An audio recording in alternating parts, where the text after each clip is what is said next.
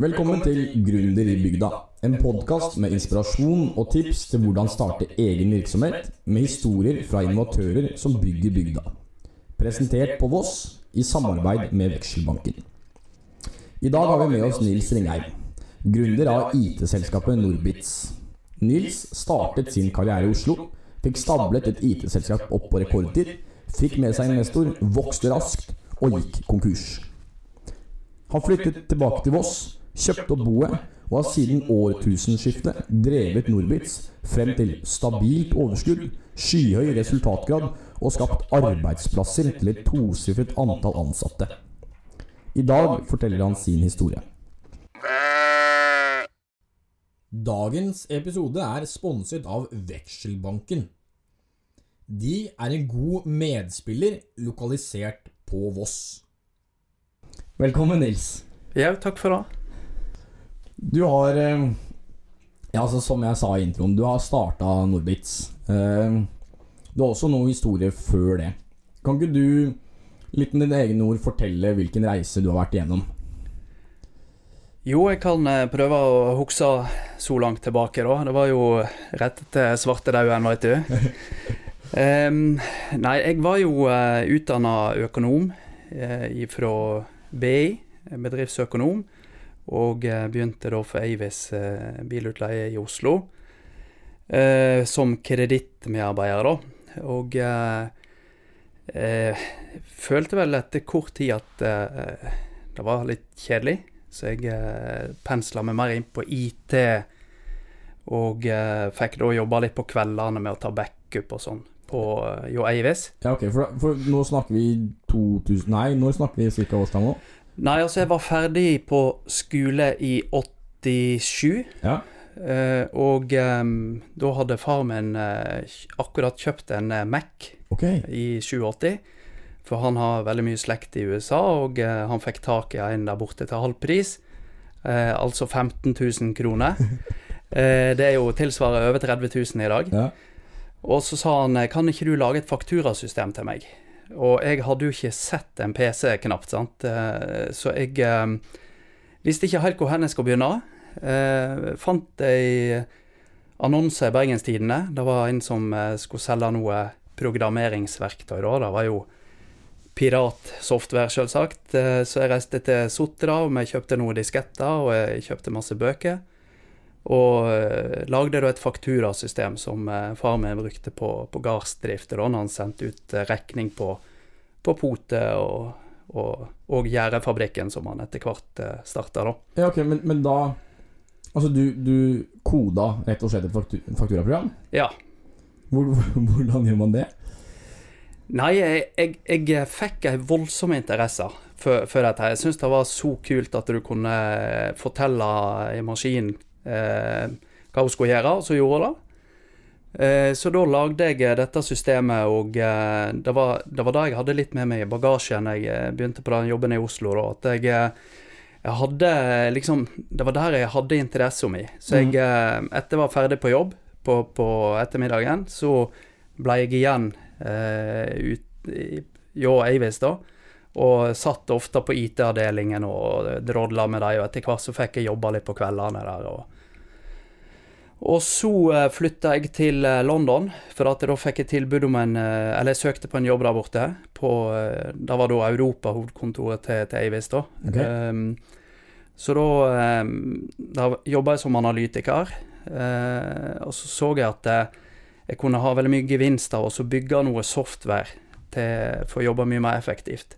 Automatisere prosessen, da, egentlig. Ja, Ja. så da, da eh, lagde jeg eh, min egen programvare der borte for å bli mer effektiv. Og så mens jeg var der, jeg hadde vel jobba der i halvannet år, så eh, var det noen fra Norge som tok kontakt om jeg kunne flytte til eh, hjem igjen og, og bygge opp da eh, en retail-software for fabrikkutsalget, som eh, det den gang het da. Og det er det som er i dag er Kid Interiør. Ok. Ja. Hvor, hvor, hvor mange år var du i England? Nei, jeg var der i halvannet år. Ja. Og så, blir du da kontakta. ja, da blir jeg kontakta, og eh, om ikke jeg vil flytte hjem og, og bygge opp eh, dette systemet, da. Så eh, det var eh, jeg, jeg eh, likte meg veldig godt i London, Ja. men fant òg ut at dette kunne være en unik sjanse til å, til å bygge opp Mm. noe hjemme. Så da flytta jeg hjem igjen og, og begynte på det prosjektet, da. Da, da gikk jeg i gang med å, å bygge opp eh, dette systemet for, for GID. Eh, dette var et firma jeg jobba i da, men eh, ja, jeg får kalle en spade for en spade. Han som eh, jeg jobba med, han hadde litt for høyt forbruk, så, så da firmaet gikk konkurs. Og eh, det som skjedde da, var at jeg starta mitt eget firma, som heter Ringheim Software Design. Ok. Og så fortsatte jeg da med fabrikkutsalget som kunde. Ok, ja, så Er det, er det Kid-gjengen, eller? Nei, dette var jo et IT-firma jeg begynte å jobbe i da. ok. Ok, ja. Eh, så de gikk konkurs, og så eh, Men da var vi jo veldig godt i gang med å bygge opp den softwaren for, for Kid. Ja. Så jeg lagde mitt eget firma og tok over den kunden og eh, fullførte oppdraget, da. Ok. Mm. Var det da et enkeltmannsforetak, eller gikk du over på AS med en gang? Nei, det var et enkeltmannsforetak. Ja. Ok, Så da er du i Oslo og bygger Det er i Oslo, ikke sant? Det er i Da bor jeg i eh, Drammen, faktisk, eh, på den tida da, da. Okay. Ja. Men jeg eh, bodde først i Oslo. Ja. Da er du i ferd med å bygge det her opp. Ja. Hva skjer videre? Nei, så ehm, eh, Det var jo litt tøffe tider, så jeg uh, jobba parallelt eh, med at jeg eh, drev mitt eget firma. Så jobba jeg også for et firma som heter Menneske og Media. Okay.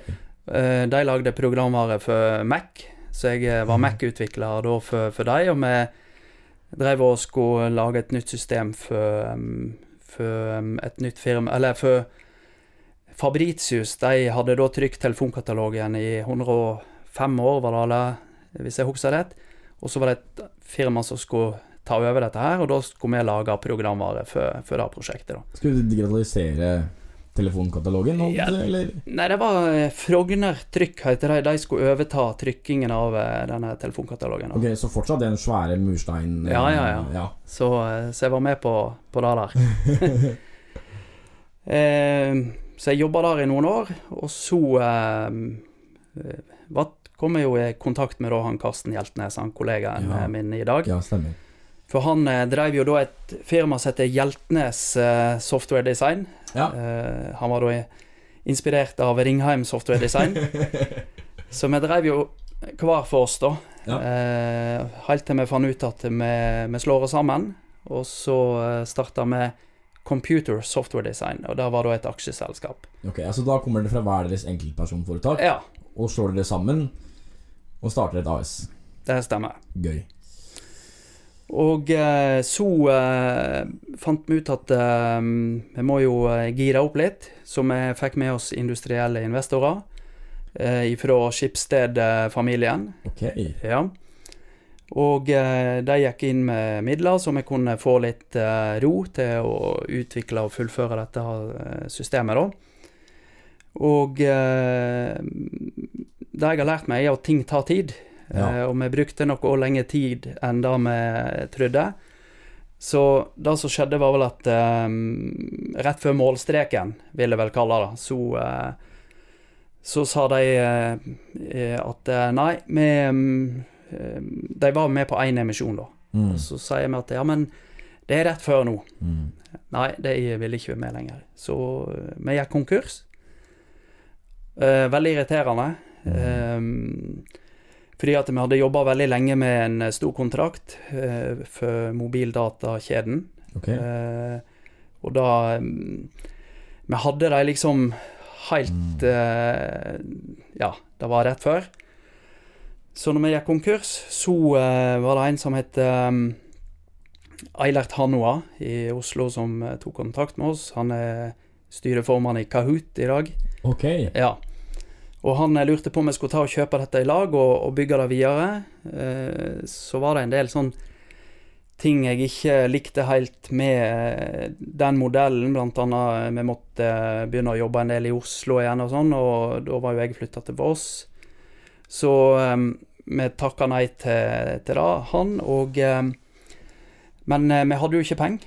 Eh, Men ville han gå inn med penger? ja da, han, Ja, han han, eh, hadde jo midler. Ja. Eh, men så fikk vi veldig god hjelp av hun Else Marie Himle Nyborg okay. og Tore Nyborg. Så de lånte oss eh, 100 000. Okay. Så kjøpte vi boet. Og så fikk vi mobildatakjeden som kunde. Og da var vel eh, på en måte starten på at ting begynte å gå eh, bra, da. Hvilket år snakker vi da? Da snakka vi Vi gikk jo konkurs i eh, 1999, det husker jeg veldig godt, for jeg eh, drev jo og bygde hus. Og Åh. hadde jo en økonomi som var svært eh, vanskelig. eh, samtidig som vi gikk eh, konkurs, så mm, det ble ganske eh, ja, tøff, tøffe tider eh, den perioden der, da. Ja, for hvordan er Altså, som du beskriver, du sitter da med å bygge ditt eget hus, og du er avhengig av det selskapet du er i ferd med å bygge opp, Mm. og så går selskapet konkurs. Hvilken situasjon setter deg i? Hva, hva gjør du da? Nei, eh, hva skal jeg si Du, eh, du må ikke gi opp, iallfall.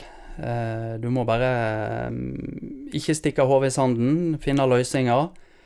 Og eh, ja, vi fikk jo banken med, sant, og jeg visste jo at bare jeg fikk litt tid på meg, så, så ville en jo eh, klare å, å bygge dette opp igjen og komme i mål. Og eh, det var jo det vi, vi gjorde òg, sant, at Ja. vi, vi, vi, vi kom også ja, via ja, Ja. histo historien viser jo det. Altså, han, Steve Jobs liker jo å si at du kan se tilbake på historien, og det er mye lettere å connecte dottene da. Ja. Men når du da står der, konkurs, bygger hus Hva, altså, hva går gjennom hodet ditt, da?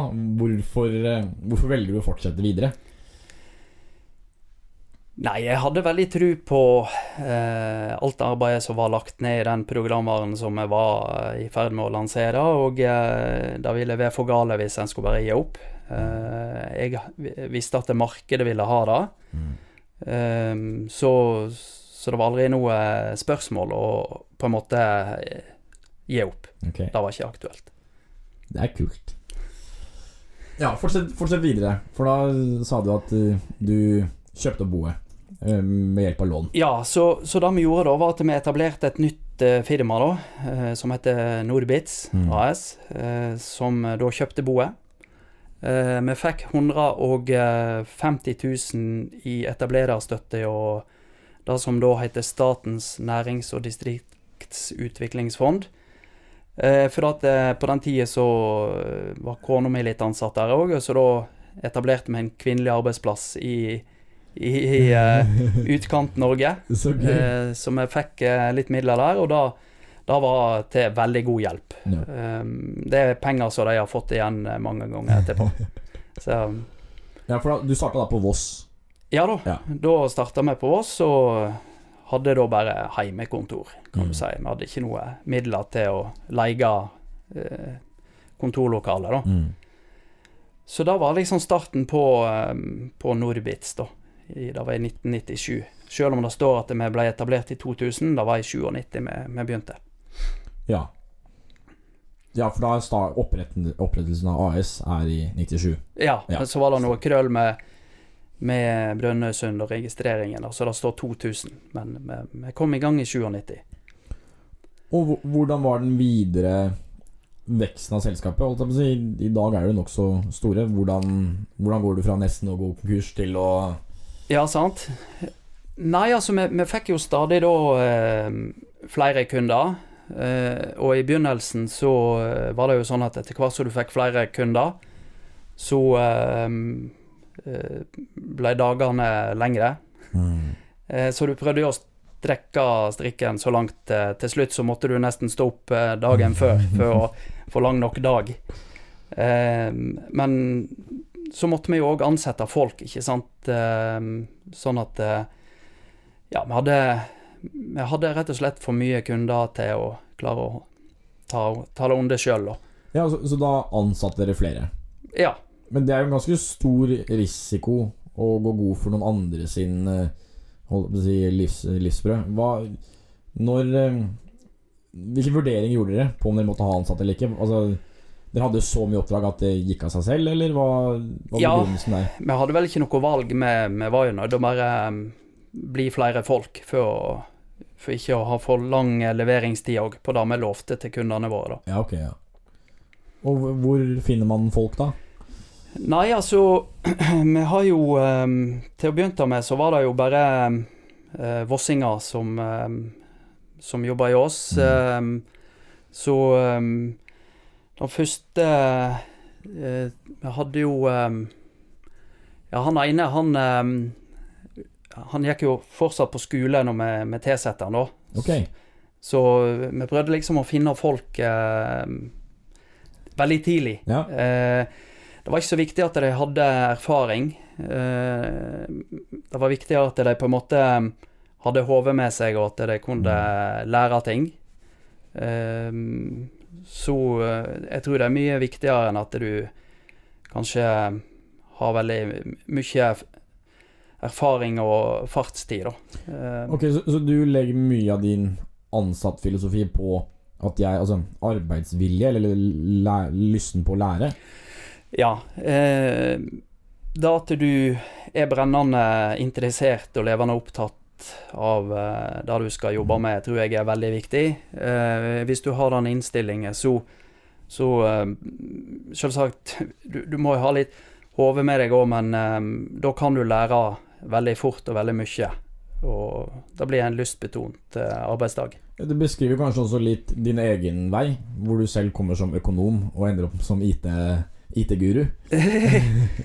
Ja, ehm, jeg har jo ikke noe formell eh, utdanning Mm. innenfor eh, IT. Jeg har tatt litt kurs, eh, men jeg har vært voldsomt interessert i dette her. Og har lest veldig mye bøker og, og prøvd og feila. Og eh, på den tida vi begynte, så var det jo ikke internett. Så all informasjon var ikke så lett tilgjengelig da. Ok, så, så for å lære deg å programmere og holdt jeg på å si bygge opp eh, software og IT, så må du bla i bøker. Du blar i bøker, ja. Det, er- det er helt klart. Det er um, det, Der det gikk i for meg um, Kona mi eh, leste jo alltid litteratur, sånn skjønnlitteratur og romaner og sånt. Eh, Ja. Jeg kjøpte kun fagbøker. Jo tjukkere hun var, jo eh, kjekkere var det, for da Nei, det, det, var, det var sånn vi Så lærte. gøy, ja, men det, det beskriver jo også litt hvor tidlig fase internett vi snakker, da. Altså sånn, Du kan ikke google deg til problemstillingen. Nei, vi hadde noe som het eh, BBS-er, da. Okay. Eh, sånn bulletin boards der folk eh, du, du kunne laste ned litt filer og sånn, da. Um, men det var ikke noe Det var ikke noe eh, enkel tilgang på informasjon på samme måte som i dag. Mm. Så jeg tror jeg fikk internett i 1995. Ja, ok, ja. Du, når, ja, men når var den Macintoshen? Når kom den? Det er ganske mange år før den. Ja, det var i 2080. Ja. 1987, ja. Mm. Det er veldig interessant å se den tidslinjen der på Ja, fra første PC til internett og senere til selskap. Ja da, Det eh, ting eh, gikk jo bare fortere og fortere, vet du. Så um, da at um, Ja, vi, vi har jo vært med på den utviklingen helt ifra maskinene var trege og tunge, eh, til, til sånn som vi opplever maskinene i dag, da. Dagens episode er sponset av Vekselbanken. Eika-alliansen har samlet inn tilbakemelding fra 35 000 kunder. Og kundene kårer Vekselbanken til årets beste bank. Det er heller ikke første gang. De tre siste årene har Vekselbanken blitt kåret til årets beste bank. Ønsker du en solid lokalbank på Voss? Se hva de har å tilby på vekselbanken.no. Ja, for, men det dere utvikla, altså den programvaren Mm. Hvordan Du så at det var et behov for den ved arbeidsplassen du selv jobba? Altså du så at eh, automatiseringsprosessen var en fordel? Er det slik å forstå? Ja, du kan si at den ehm, I og med at jeg ehm, har økonomutdanning, så, så var det jo naturlig å se på programvare som gikk i den eh, retningen. Mm. Eh, så du kan si at det, den programvaren som vi har laga for Kid eh, interiør og andre butikkjeder i Norge i dag, den går jo veldig mye på det eh, økonomiske, sånn som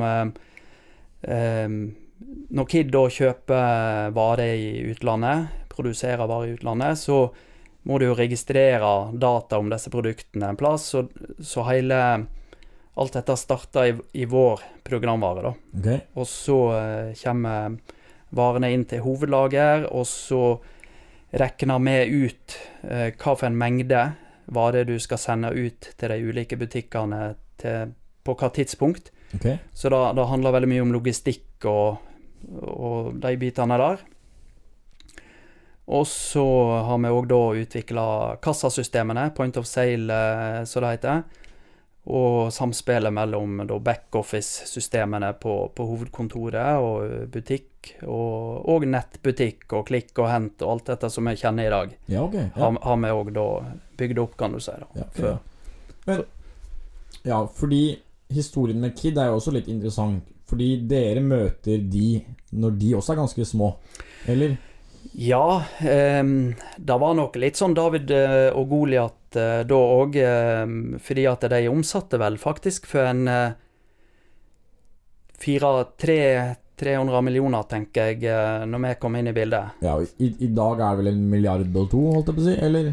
Ja, nå ehm, De omsetter for 1,5 milliard ja. fram til i fjor, og da kjøpte de opp eh, et selskap som heter Hemtex, som er på en måte Kid eh, sin ekvivalent i Sverige, Finland og Estland.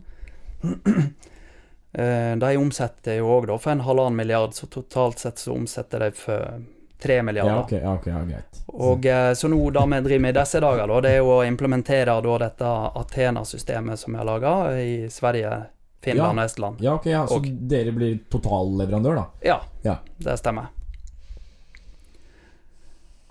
Og um, det som selvsagt har vært utfordrende hele tida, er jo at eh, spesielt den kunden da har vokst eh, veldig fort, og ehm, vi har jo måttet prøvd å utvikle oss i takt med at kunden er blitt veldig stor. Mm.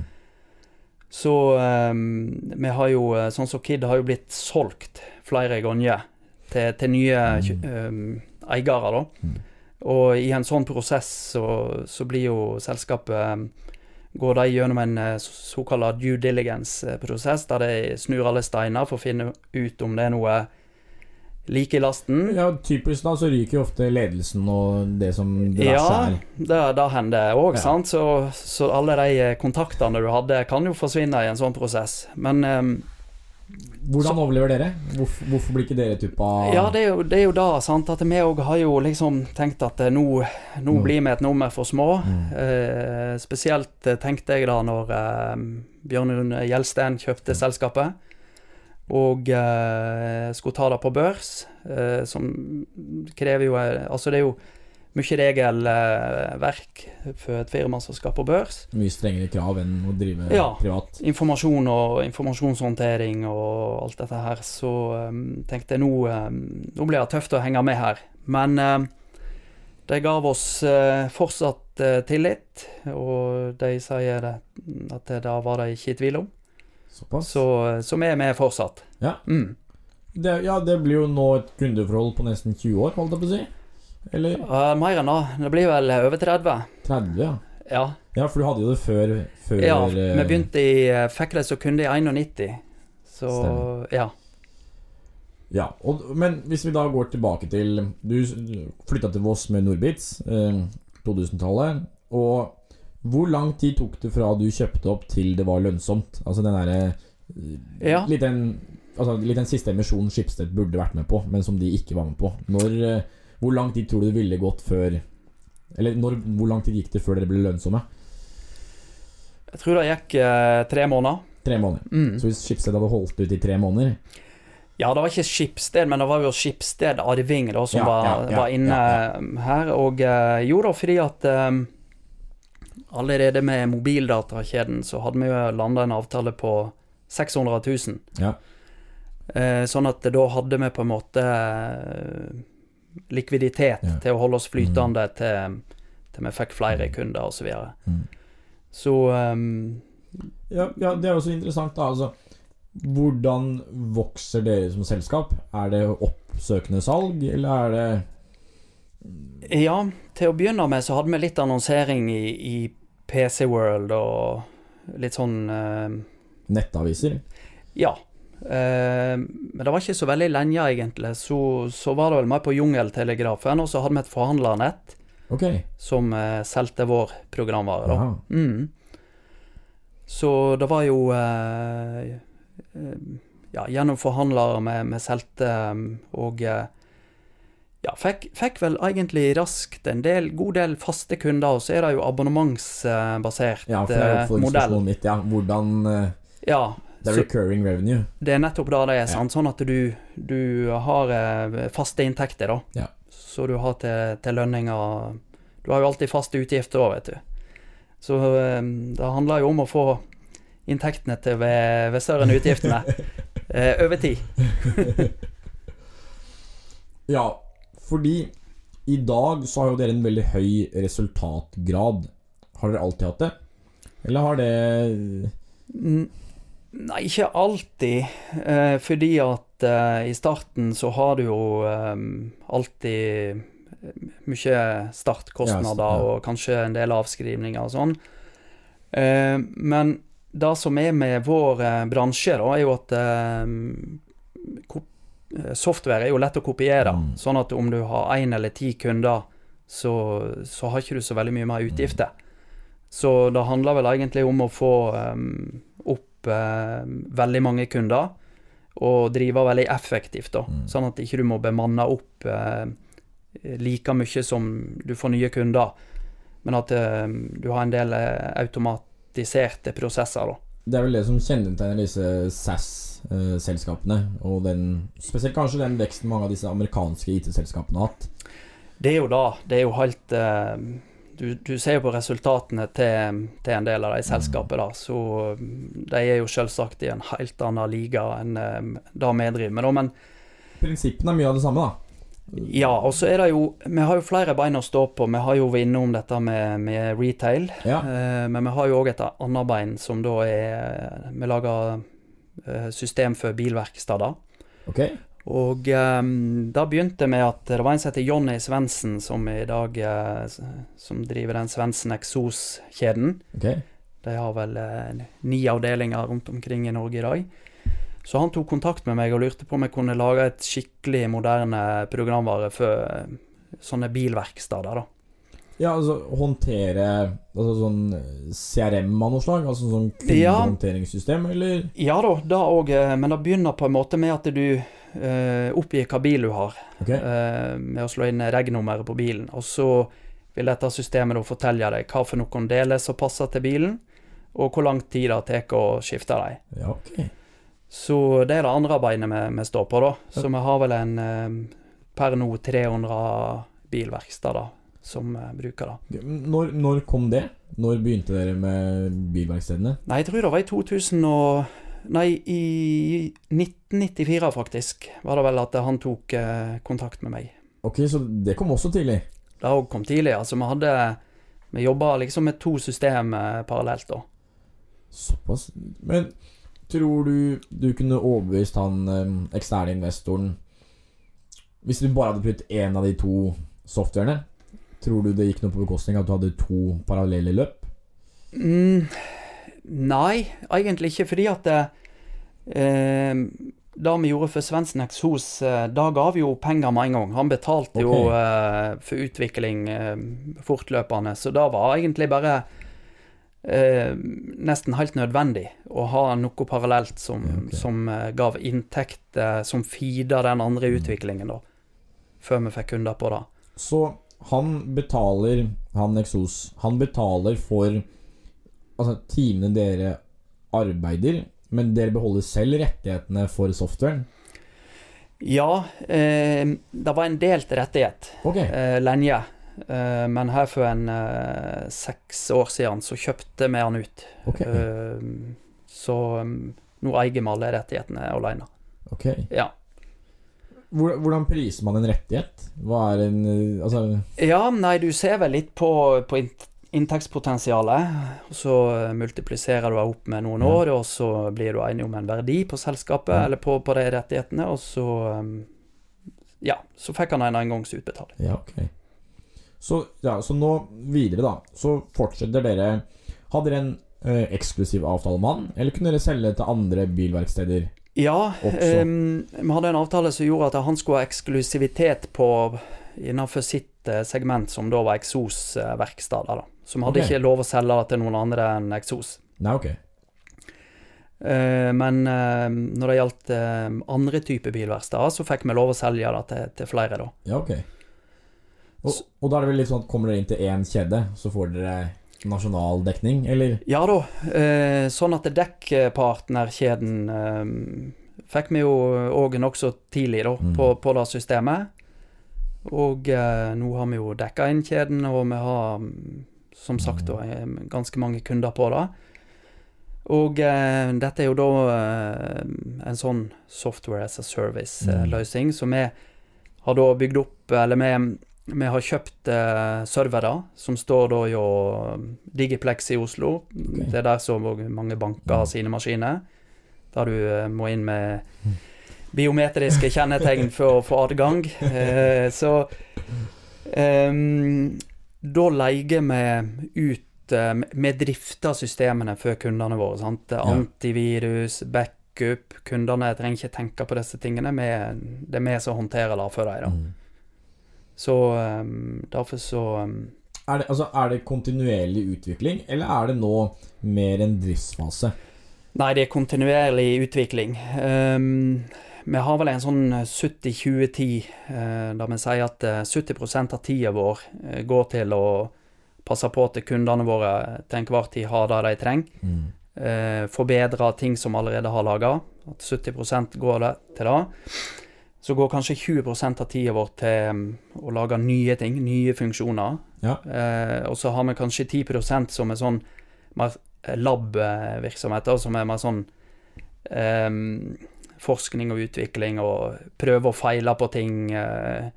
Ja, ok. Ja. Så um, han ene som jobber i oss, uh, i juleferien, så, så satt jo han da og prøvde å finne ut om en kunne bruke um, sånn um, artificial intelligence da, til å eh, forbedre disse algoritmene våre på okay. fordeling av varer til, til butikker og sånn. da. Så, så det, ja, det er veldig spennende fagfelt eh, der, der og eh, en, en må da ha en sånn Du må sette av litt tid til å prøve å finne på litt eh, nye ting òg. Ja, for det er vel gjerne det som kjennetegner gode si, gode selskapseiere, at du fortsetter å lete etter muligheter. Ja da, eh, i den bransjen her så eh, blir du veldig fort eh, gammeldags. Mm. Så du må hele tida fornye deg, og du, du veit Du ser sånn så um, Vips-betaling, Mm. for eksempel. eh, det er jo ikke mange år siden eh, folk ikke visste hva Vips var for noe annet enn at det var et ord som betydde at eh, ting gikk kanskje litt fort. Mm. Vips, så, så var det gjort. Men um, vi var faktisk, eh, og det er vi jo litt stolte av òg, da. ehm, eh, Vips fortalte oss at eh, vi var da Vi lanserte den første nettbutikken i Norge med Vips-betaling. Ok. Ja. Jaggu. Så uh, vi slo uh, noen konkurrenter på målstreken med, med noen timer, faktisk. det er så gøy. Mm. Se, ser du nå Altså, ser du nå noen nye muligheter innenfor bransjen din, eller generelt, som er åpne plasser ingen har tatt? Altså, ser du noe Ja, da, da viser seg jo hele tida, sant, at eh, det oppstår eh, med, med endringer så oppstår det muligheter. Ja. eh, og, og- risikoer. Mm. Eh, og det en har, ofte har sett, eh, er jo kanskje de som har hatt mye suksess, jo de som har utfordra etablerte eh, bransjer. Eh, hvis du ser på Uber, eksempel, så er jo ikke det de, de, de har jo ikke en taxi sjøl, men, men de har da laget et system, en programvare og sånn, som gjør at du, du, mm. ja, du, du tar de mulighetene som plutselig oppstår Ja, ja. Med, med teknologi. da. Ja, det er noe veldig godt, som du veldig godt poengterte, at med endringer så kommer det også muligheter. Altså Når noe endres, så Mm. er det også tomrom for å kunne gjøre noe. Ja, og, og risiko for, Ja. før de etablerte, ikke Mm. sant. Sånn som eh, Kodak. Ja. som klamra seg til analoge kamera og sånn. Så, så skulle det vise seg at det da var ikke så smart. Veldig godt eksempel. Mm. Altså, med økt vekst så krever vi også økt ansatte. Vi har jo så vidt litt innom det. Men dere, altså, dere ansetter jo IT-folk. Men med hovedkontor Ja, vi kan si hovedkontor er på oss. Hvordan, hvordan får du IT-folk hit? Du, var jo, du er vel ute med både én og to utlysninger nå, eller noe sånt? Mm. Det er veldig vanskelig vet du, å rekruttere eh, folk eh, her på Voss. Mm. Eh, vi har hatt, hatt veldig store utfordringer med det, da. Vi var ni Nei, vi var elleve ansatte. Så har vi tilsatt to til, så nå er vi 13. Og vi har jo et firma som nå driver og jobber med rekruttering før oss, da. Okay. Så vi prøver å få på plass to utviklere til eh, så, fort som jeg kan. Mm. Men uh, det viser seg at det, det er veldig vanskelig, da. Og um, da, da er um, Det er kanskje største um, utfordringen med å, å vokse videre nå uh, for oss, er at vi får ikke raskt nok tak i Kompetent. folk, Ja. kom kompetente folk. For uh, du må ha flinke folk. Mm. det, det er vi helt avhengig av. ja, da er kanskje oppfølgingsspørsmålet Hva kjennetegner flinke folk? Jo, altså eh, Flinke folk eh, Altså Du må jo ha en miks, da. Noen har, eh, er kanskje flinke på én ting, mens andre er flinke på en annen ting. Og så må du klare å bygge et team, sånn at folk som er flinke, må òg kunne inngå i, sosial, i en sosial setting, eh, sånn at eh, vi kan eh, bygge en kultur. Men tilbake til det faglige, så, så folk som er ja, smarte i hodet, som ser gode løsninger på ting. det er vel noe som, som heter at If you think it's expensive to hire um, professional, wait till you hire an amateur. Og det, det, det er litt sånn eh, i vår bransje at eh, hvis du får tak i skikkelig flinke folk, Mm. så, så løser de ting uh, veldig raskt og blir veldig effektive. Så det er jo de vi har lyst til å ha tak i. Mm. Og uh, da at ikke de har så mye erfaring, uh, er ikke så veldig farlig, så lenge vi ser at her er det et veldig godt potensial, Mm. og så kan vi ut, utvikle det sjøl. Ja, og i takt med erfaring så er kanskje også utdanning en faktor veldig mange vurderer folk på. Du har jo selv en erfaring med å komme som økonom inn til IT-bransjen. Hva tenker du om utdanning? Jo, jeg tror kanskje utdanning er eh, viktigere nå enn eh, noen gang. Eh, Da får du på en måte et papir på at du har en kompetanse. Sier jo selvsagt ikke så mye om hvordan du fungerer i, i den virkelige verden. Du kan jo være en, bare en teoretiker. Eh, Men det er jo noe du får bare avdekka, da. Mm. Men eh, har ikke du det papiret, så, så kommer du kanskje ikke inn første døra. Ja. Eh, men med det papiret i hånda, så, så kommer du iallfall innenfor, og så eh, må du jo bevise derifra, da. Mm. Så eh, jeg tror det er viktig å få seg en, eh, en god skolegang først. Dere, makkeren din sitter i Ulvik, stemmer det? Eh, Stemmer det? det stemmer. Ja. Og, og du sitter her. Og du snakka jo også dette med at for å få beholde gode ansatte, så må man ha god kultur. Hvordan klarer du å skape god kultur på tvers av bygder? Ja, um, det er noe vi har vært veldig opptatt av. Uh, og uh, vi har heldigvis klart å etablere et miljø og en kultur som gjør at folk som begynner i oss, de, de blir. Eh, vi har ikke noe gjennomtrekk av eh, folk, så det er jo ehm, et eh, godt tegn, håper jeg. Mm. Vi legger vekt på at det skal være kjekt å komme på jobb. Sånn at du må jo passe på at det er interessante ting folk får lov å sitte og jobbe med. Mm. Og så utover det som skjer på, på jobben til daglig, så må du òg passe på at det Du blir kjent med medarbeiderne dine mm, på en annen måte òg.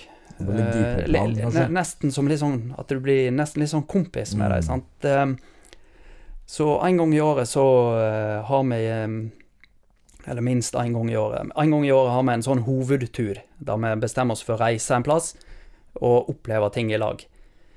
Og um, vi har vært på Island og drevet med snorkling i, der oppe. Og vi har vært i Champagne og sykla i Grand Cry-området. Og vi har vært i Tyskland, i i Rindalen på vinfestival. Så gøy. Vi har vært i Skottland og gått, eh, gått turer, og eh, alle disse tingene her gjør at du, du opplever ting i lag. Mm. Og, og du får en slags sånn felles eh, Felles aktiviteter og ting å identifisere deg med. Mm. Men det er jo, det er jo, det er jo dyre turer du trekker fram. Det er jo kostnader. Forsvarer du de kostnadene? Lett. Ja. Absolutt. Eh, dette er turer som er lagt opp med en kombinasjon av faglig innhold og, og da eh, sosiale aktiviteter. Og s- s- sånn i Nei, vi, vi har aldri vært i tvil om at eh, det har lønt seg. Eh, I år, eller da vil si i 2020, da, så skulle vi til Piemonte. okay. Eh, og ha en del aktiviteter der nede, men det ble jo da avlyst. Så da ble det å um, Så i år da var vi på Cornelius utenfor Bergen. Uh, utenfor Bjorøy på en holme der. Og eh, bodde der, og så hadde vi dypvannsfiske og Ja, det, var, du, det viste at du, du trenger ikke reise så veldig langt for å ha de gode opplevelsene. Så um, det var en kjempetur. Så gøy. Ja da. Men holdt jeg på å si, det er jo lett å si at man ønsker fine turer. Eh, og når man har råd, så er det jo greit. Men når dere starta opp i starten med lite penger og lån og i en litt sånn utfordrende økonomisk situasjon, hvordan bygger man god kultur da?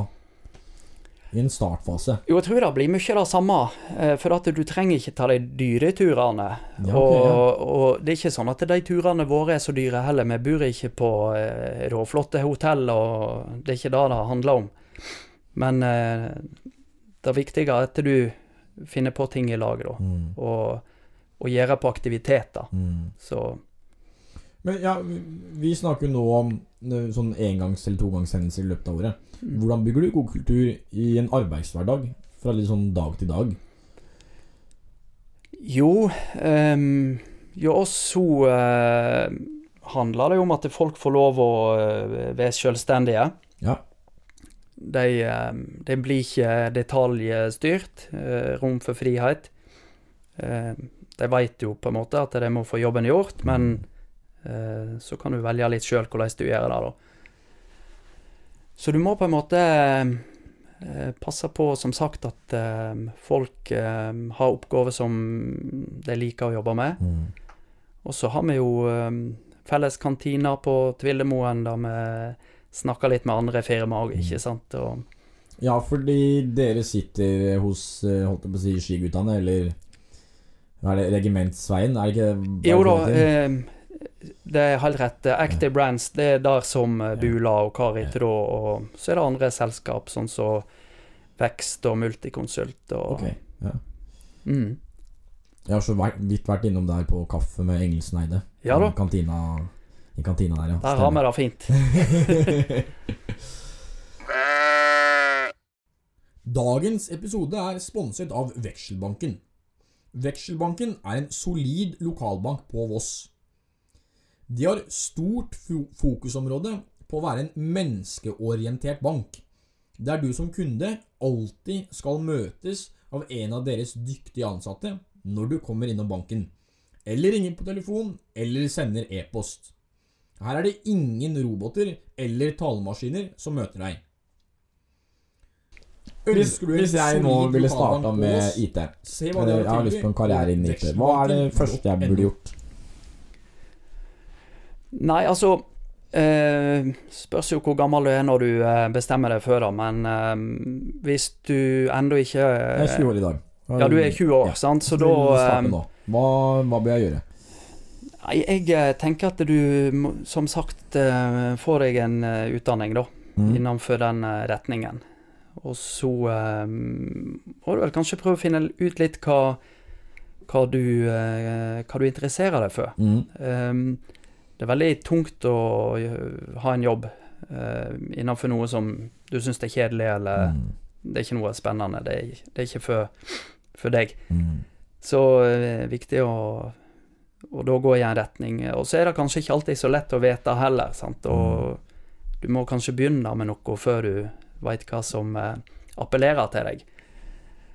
Så eh, Ja, det, er, det er godt poengtert. det, det er viktig å, å velge noe som er interessant for deg. Mm. Mm. Jeg ønsker med podkasten å inspirere ungdommer til å starte selskaper her i bygda. Ja. Hvilke argumenter ville du gitt ungdommene for å starte på Voss kontra å starte i Bergen? Ja. Mm.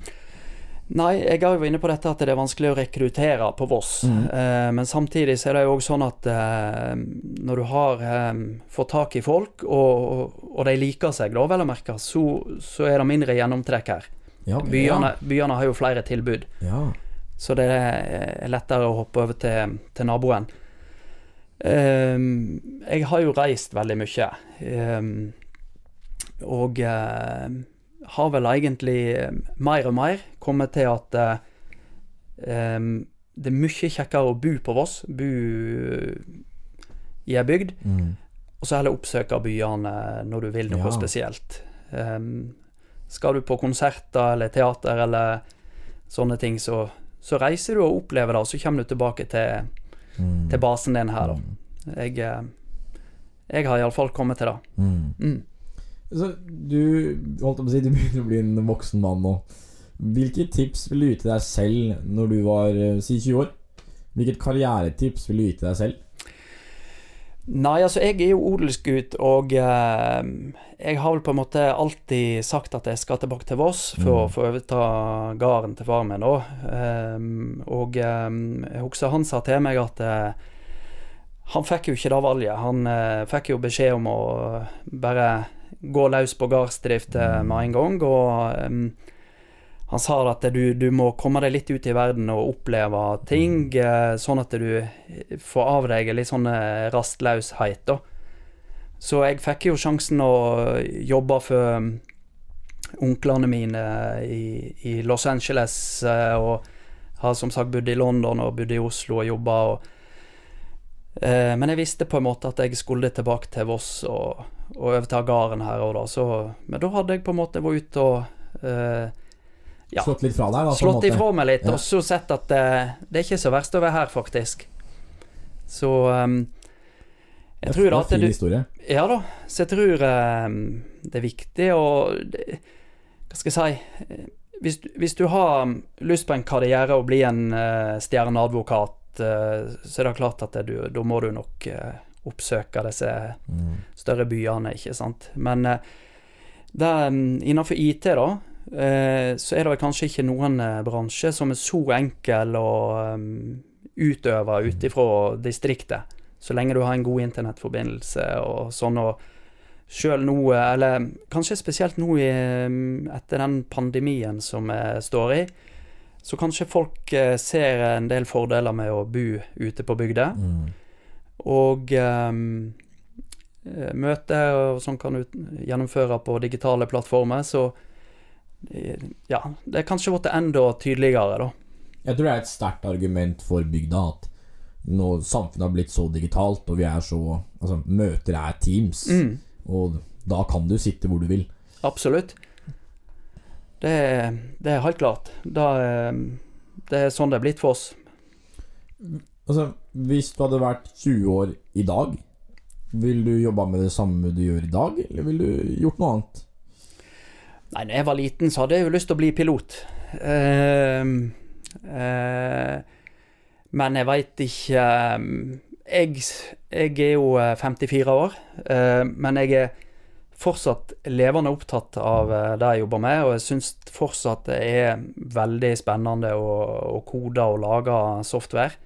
Så ja, jeg eh, Det er iallfall en eh, bransje som er framtidsretta. Mm. Da jeg vil eh, Hvis jeg kan inspirere noen, så er det å hoppe på den eh, bransjen her, for den, den trenger mange flinke folk eh, framover. Mm. Og så, holdt jeg på å si, så skader det heller ikke å sitte Du er vel styremedlem i flyklubben her, eller noe sånt? Er du ikke det? Ja, jeg driver med flyging eh, på seilflyging på, på fritida. Så um, Og så har jo Norbitz uh, kjøpt en uh, tandem paraglider, da, så Så gøy. de som begynner å jobbe for oss, har da tilgang til til å fly. Jaggu. Men holdt jeg på å si Nå driver du Norbitz, og det går veldig bra. Det er høy resultatgrad, og pengene kommer inn. Hvordan forvalter du de midlene du får? Nei, vi har um, Vi um, prøver jo å um, reinvestere pengene. Vi skulle gjerne ha investert enda mer av overskuddet tilbake i uh, Norbitz, men så lenge vi ikke klarer å vokse uh, så fort som vi har lyst til, da, Mm. for at vi, vi får ikke tak i nok arbeidskraft, så har vi jo òg uh, valgt å investere litt av pengene i andre ting, da. Eh, litt i eiendom. Eh, og eh, jeg har òg vært med på det prosjektet eh, der en skal da Eller der vi har startet et eh, klesfirma på Voss som heter We Norwegians. Så eh, der har vi investert en god del eh, penger, da. Så gøy. Jeg har si Jeg har så vidt vært innom hytta til Lauritzen på Bjorøy. Eh, og for de som lytter Altså, Øyvind Lauritzen var med å starte Skiguttene, som i sin tid starta Karetrå og Bula, og var med på den reisen der. Og nå er Øyvind i gang igjen med nytt klesmerke. Og her er du altså på eiersiden, Nils. Ja, um, jeg ble vel kjent med Øyvind eh, for over 15 år siden, uh, når vi spilte fotball i lag på Direktørsletta United uh, nedenfor Fleischerplenen. Eh, og så ble det jo eh, skiturer til, til Canada, og det var litt sånne ting eh, vi drev med i lag. Men så fant vi ut at ehm, vi, vi kunne jo òg uh, starte litt business i lag. Så ehm, da ville de etablere We Norwegians, som skulle da lage um, ullklær av eh, veldig høy kvalitet. Um, det appellerte til meg. Vi, vi lager jo veldig sånn abstrakte produkt, sant? digitale produkt. Men eh, her kunne en da få sjansen til å være med på å bygge opp eh, noe på Voss. Som var mer sånn fysiske produkt som du kunne ta på. Og eh, da um, ble jeg med på det. Og eh, det som var litt eh, synergien som jeg tenkte på, var at eh, da kunne vi bruke den programvaren vår mm. i dette prosjektet her.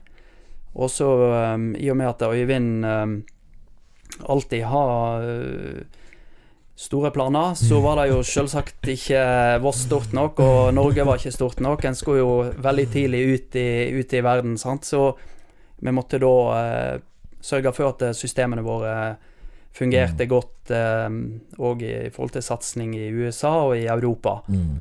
Så det var òg eh, viktig for oss eh, når vi gikk inn i dette prosjektet, at eh, programvaren vår skulle da eh, bli testa ut eh, på disse internasjonale områdene. Og, så det har vært veldig, veldig viktig for oss. Ja, og Det er vel fortsatt å anse som et Det er i hvert fall i oppstartsfasen, eh, klesmerket. Når eh, Når tror du det blir lønnsomt? Hva skal til for at det vokser videre?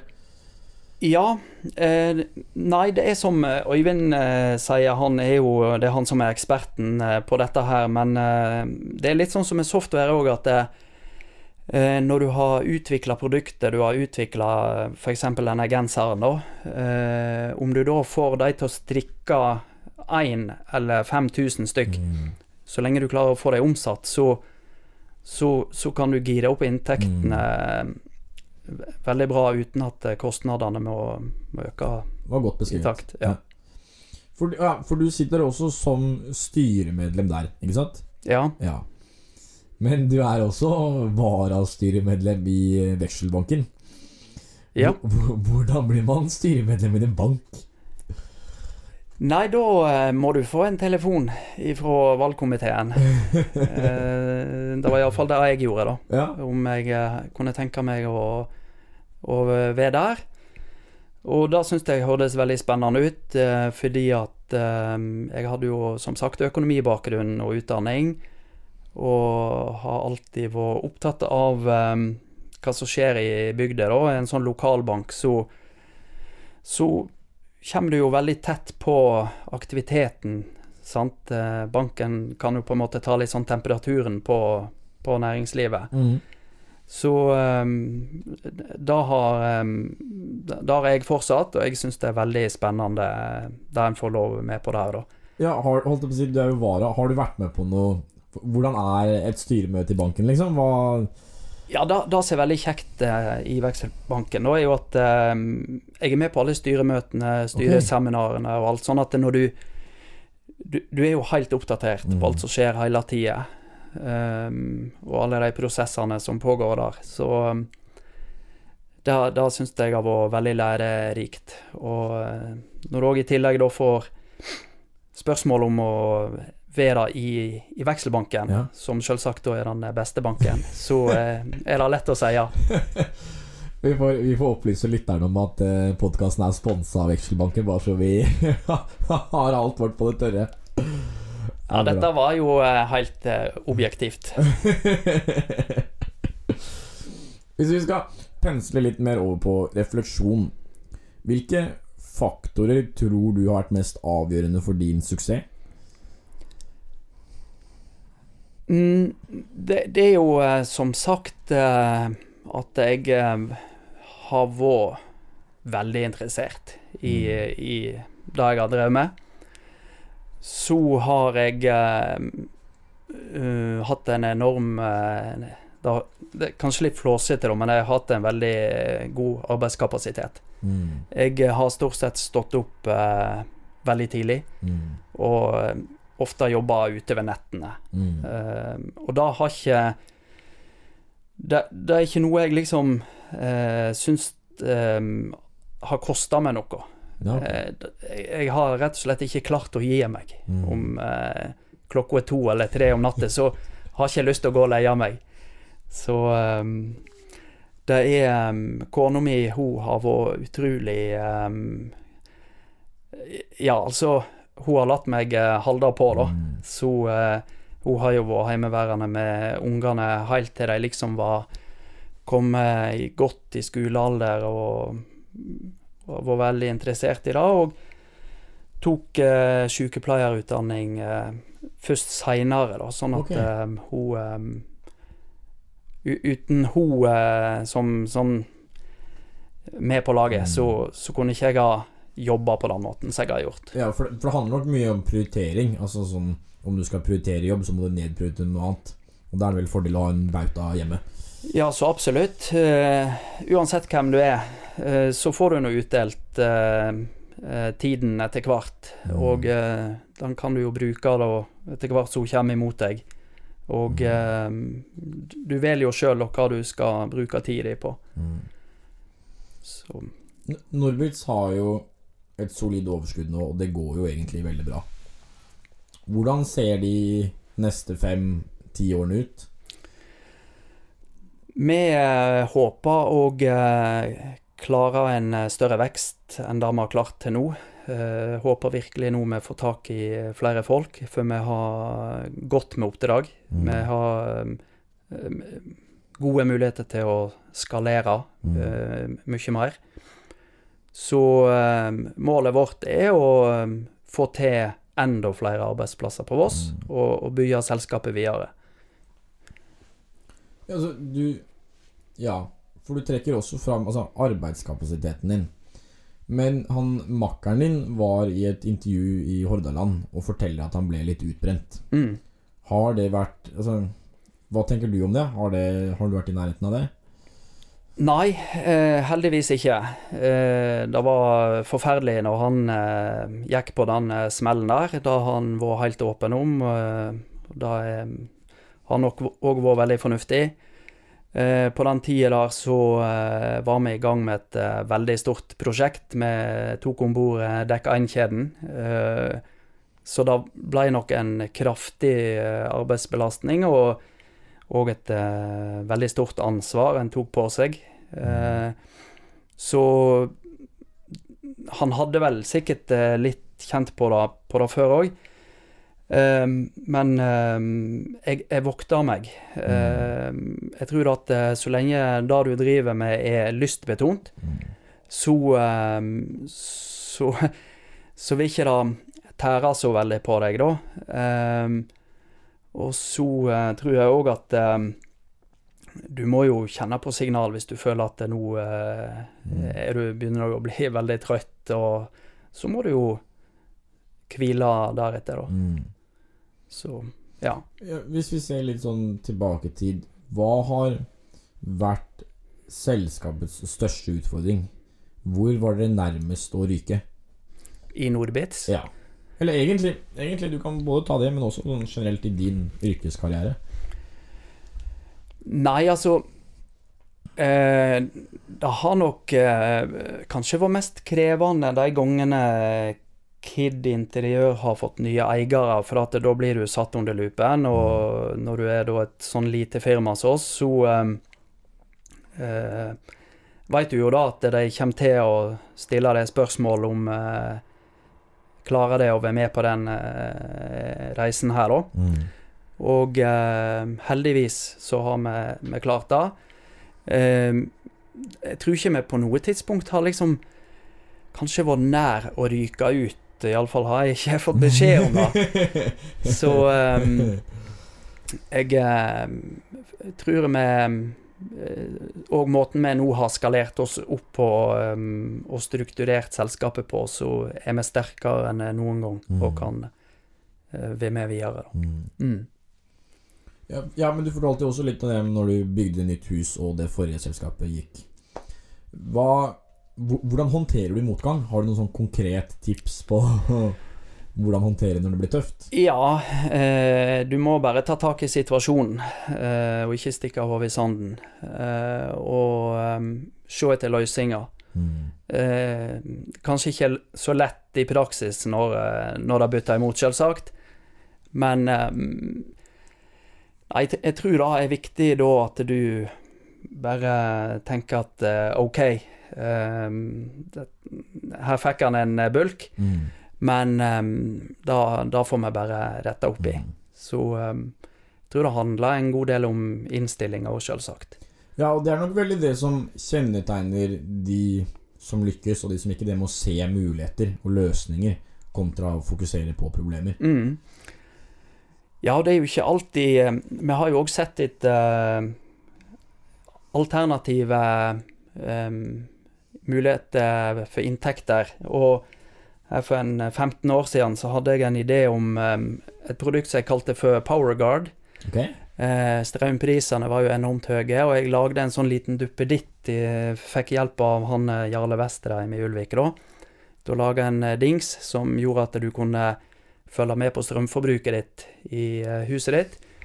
Um, så jeg eh, søkte jo da òg om um, midler i det offentlige til å utvikle den ideen videre, da. Men de hadde ikke tro på det.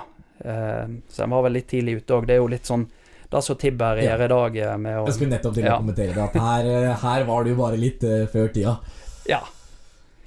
Men ehm, det er jo ikke sikkert en hadde lykkes eh, med det, men eh, Nei, nei, det, det er jo av og til vi har prøvd oss på ting som en ikke har eh, lykkes med, da. Når, når vet du når du skal kutte ut et prosjekt som Altså eh, Når du kommer på en ny idé og prøver, når, eh, og så ser du om det går eller ikke går, når setter du streken for at ikke fortsett med det videre? Ja. Um, nei, når du skal begynne med noe, så, så må du jo prøve å lage noe som noen har behov for. Mm. Uh, det er ikke nok at det, eh, det er noe du har lyst på. Det må være noe som av flere har lyst på. Mm. Og eh, Så du må jo lage deg en eh, forretningsplan og budsjett og se om du tror dette her er liv laga, da. Mm. Eh, og så er det klart at det, det er ikke så godt å si hvor tid du skal gi deg, sant. Um, fordi at eh, noen ting tar jo veldig lang tid. Mm. Eh, kanskje det tar ti, ti år å lage noe, og du må stadig ha påfyll av penger med løp, eh, i sånne emisjoner, da. Så det, det er ikke godt å si. Hva, det kommer litt an på hva du driver med, Mm. hvor lenge du skal holde på. Mm. Ser du, altså på lik linje som du så Tibber før Tibber, ser du noen andre muligheter i markedet i dag? Er det noen sånne lure, lure ting du føler markedet mangler? Du kan jo gå på internett og så kan du uh, søke på 'Get rich quick schemes'. uh, da finner du mange tullete måter å, eh, å bli rik fort på, men uh, jeg tror ikke det er så, så lett. Nei, altså, jeg um, Igjen, altså um, ehm, Der da eh, oppstår eh, endringer, der er det muligheter. Mm. Og det er å, å se dem tidlig. Mm. Eksempelvis, eh, jeg kjøpte elbil i, for seks år siden. Ja. Og Norge er jo et foregangsland, eh, selvsagt, innenfor elektrifisering av bilparken. Mm. Og jeg er helt sikker på at eh, innenfor det området der, så er det eh, og nå veldig store muligheter. Mm. For at eh, tyskerne og Europa og mange, de, de har ikke våkna ennå. Så Nei. det at vi bor i Norge og, og har sett dette kanskje mye før mange Mm. andre, må jo eh, Det må jo være noen muligheter her Mm. for, for noen eh, smartinger. Mm. Det som Den refleksjonen jeg gjør meg i løpet av den snart timen vi har prata nå Du er oppdatert. Du, er, du henger med Holdt jeg på å si. Du henger med, med i samfunnsutviklingen og informasjon mer enn gjennomsnittlig, tror jeg. Hvordan får du informasjon? Hvordan holder du deg oppdatert i markedet? Mm. Nei um, Jeg må jo også si at jeg har veldig mange gode kollegaer okay. uh, som uh, jobber i Norbitz, og uh, folk som er mye yngre enn meg. Og de kommer jo til bords med mye ny kunnskap, eh, så det gjelder jo å da suge til seg den eh, kunnskapen som, eh, som de sitter på. Det er den ene kanalen som er, som er veldig viktig. Og så er det jo å, å være litt sånn nysgjerrig, da, og, og lese og følge med. mm, Altså ikke bruke alle timene i døgnet på, på Facebook, Mm. men faktisk òg bruke tida og, og lese i andre mm, kanaler. Mm.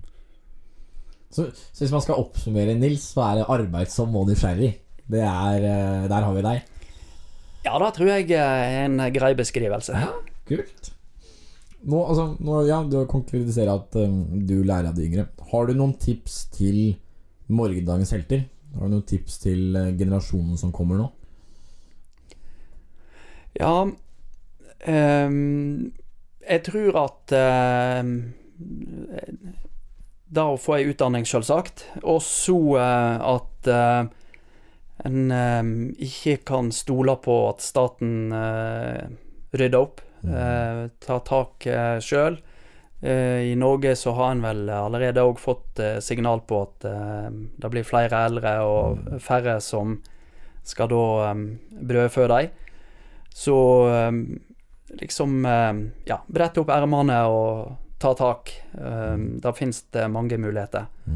Og så er jeg eh, klar over at eh, forutsetningene er ikke like, sant. Um, så um, en må fi finne på noe som uh, fungerer for, for deg innenfor um, Innenfor de forutsetningene det, det en har. Ja. Veldig godt poengtert. Det har vært veldig givende for meg. Har du, har du noe mer du vil legge til i samtalen? Nei, jeg syns det var eh, veldig trivelig å få hilse på deg òg. Og eh, Nei, jeg oppmoder eh, ungdommen som hører på, til å prøve å etablere seg på Voss. Eh, vi har bruk for, bruk for dere. Eh, og eh, det går an å reise, ut og reise litt. Eh, du blir jo aldri mer objektiv enn de eier referansedammer. Så du må ut og få litt eh, perspektiv på ting, og så kommer du tilbake her, og så eh, finner du på noe smart. Og med det så sier jeg tusen takk for praten, Nils. Takk for det.